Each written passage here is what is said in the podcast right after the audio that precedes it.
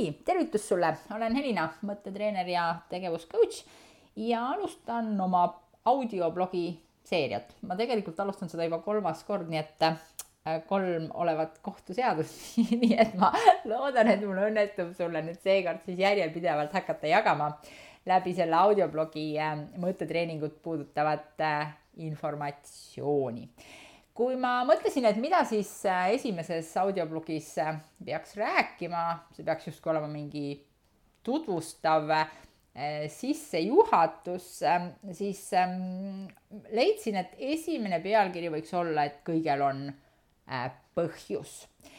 nii et alustame siis selle teemaga ja läbi nende audioblogide ma siis tutvustan sulle iseennast, kui sa mind veel ei tunne ja räägin ka oma näiteid kuidas mõttetreening kui niisugune oskus on aidanud mul muuta oma elu ja õpetanud mul saavutama või õpetanud mind saavutama neid eesmärke, mida ma siis olen eh, tahtnud eh, saavutada.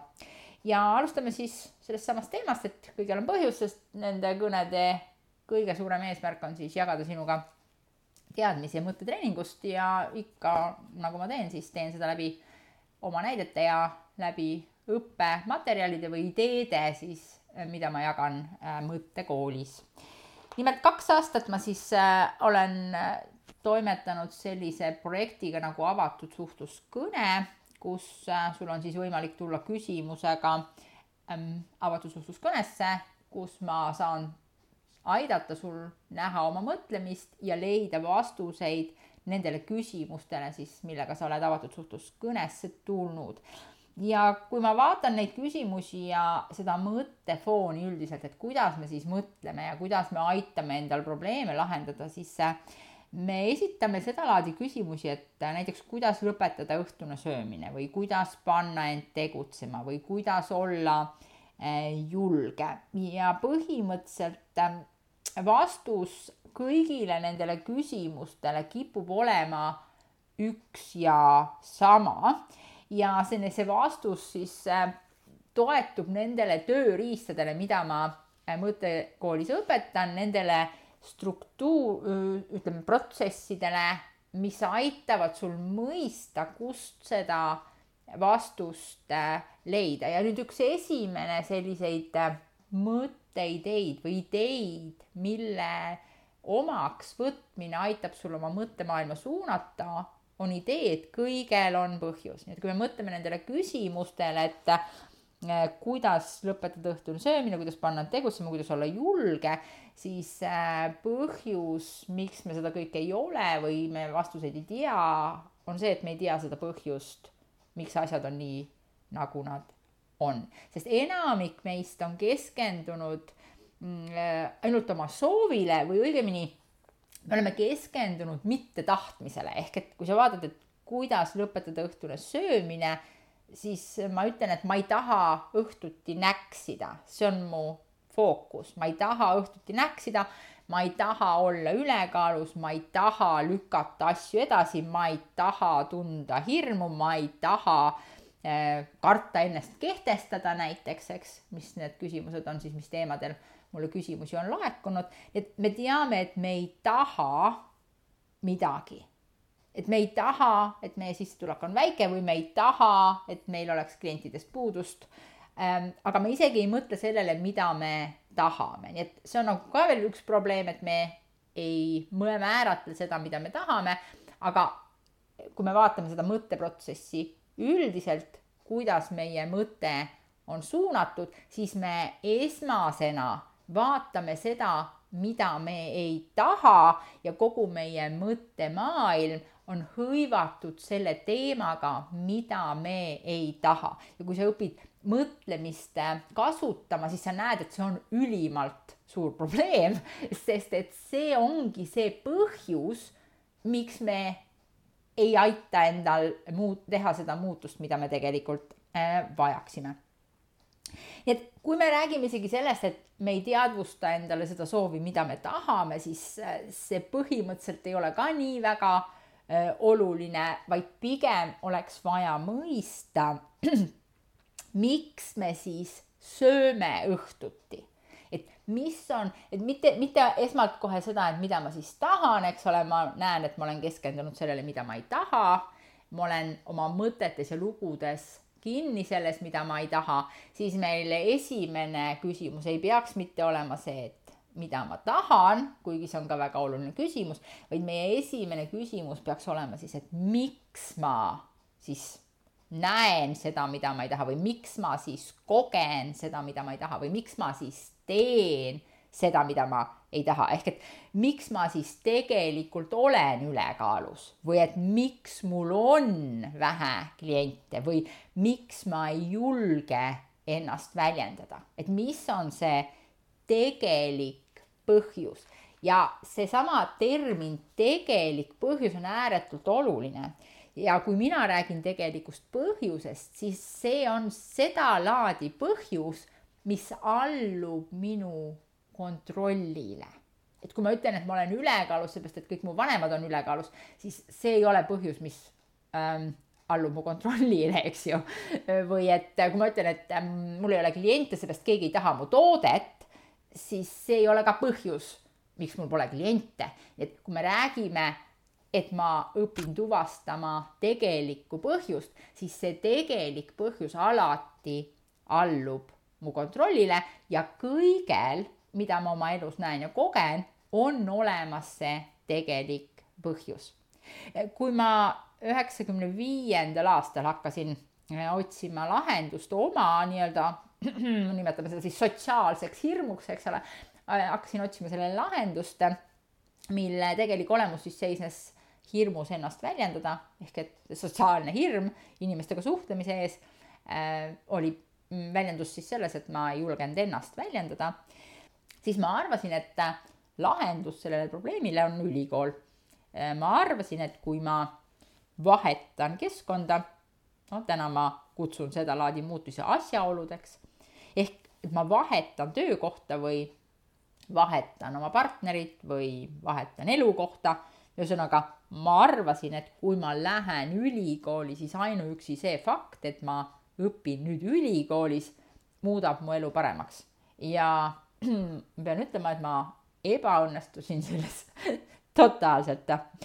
täna ma olen sada protsenti veendunud ja tean seda, et väline ei ole meie probleemide põhjus. asjaolud ei ole vastutavad selle eest, mida me oma elus näeme või mis tulemusi me loome.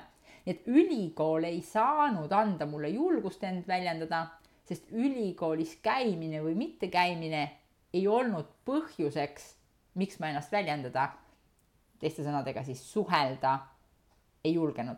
ja tegelik põhjus on alati meie sees ja see seisneb või ütleme, see, kus see põhjus asub, on meie mõtted.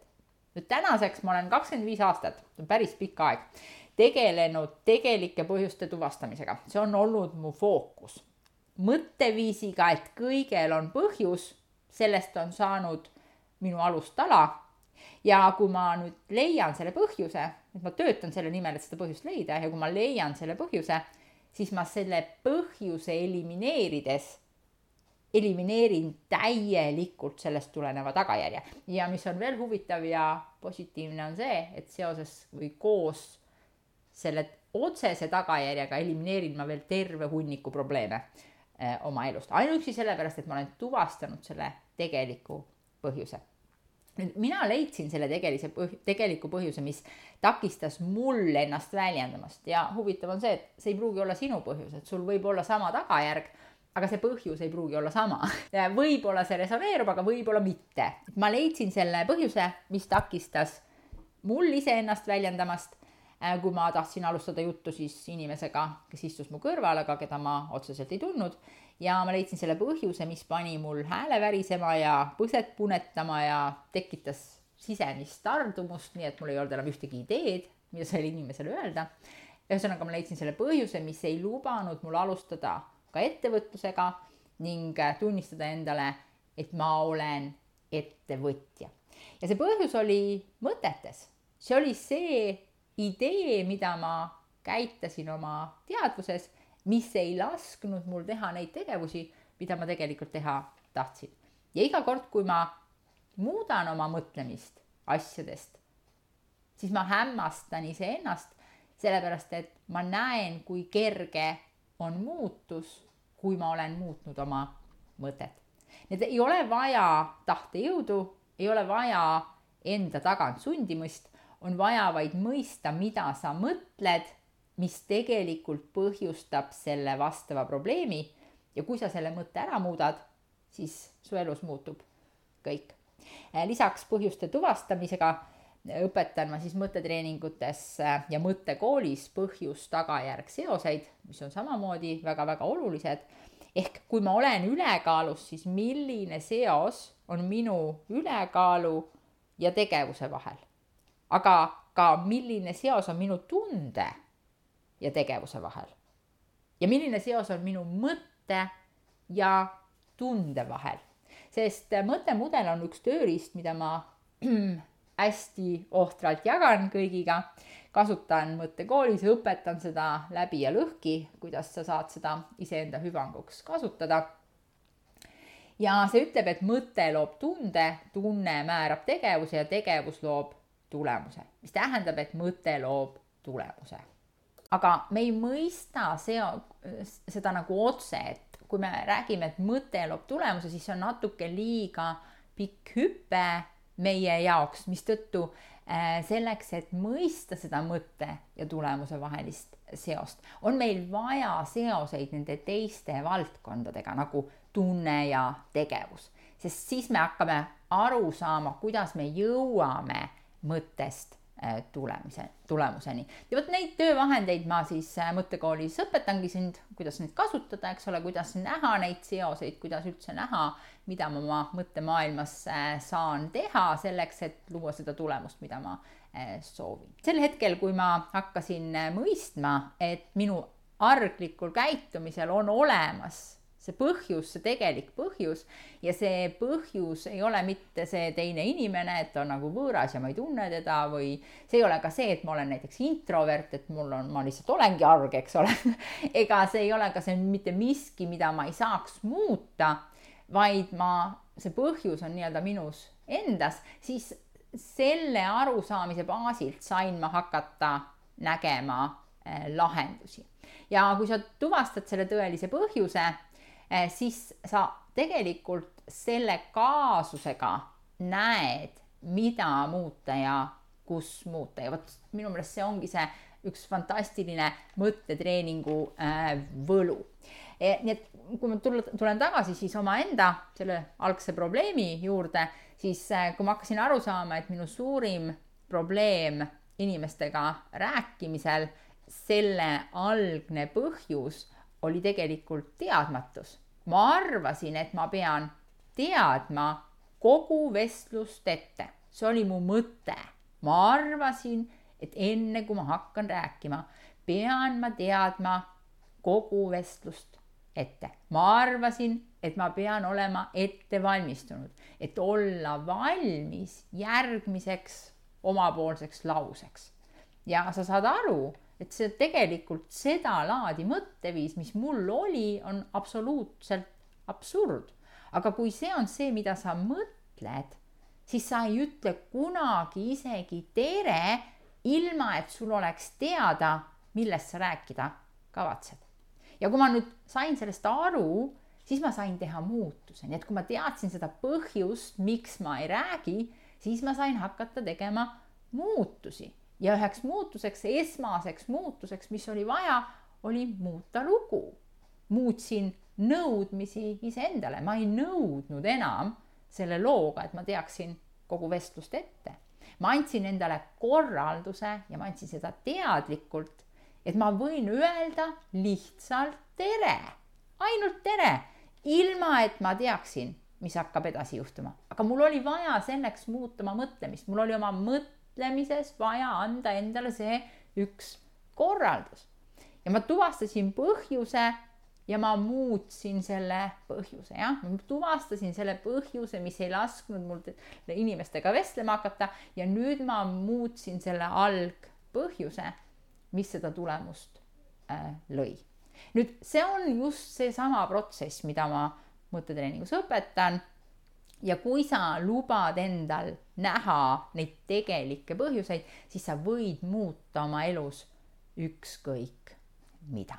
nii et suur tänu, et sa kuulasid minu audioblogi, kus ma siis äh, saan võimaluse jagada sinuga neid mõtteid ja ideid, mida ma olen siin viimase tosina või rohkem aastate jooksul äh, omandanud ja jagada sinuga mõtteid ja ideid, mida ma õpetan äh, põhjalikult siis mõttekoolis. nii et minu nimi on Helina Mägi, olen siis mõttetreener ja tegevuscoach ja aitan sul saavutada võimatuna näivaid eesmärke.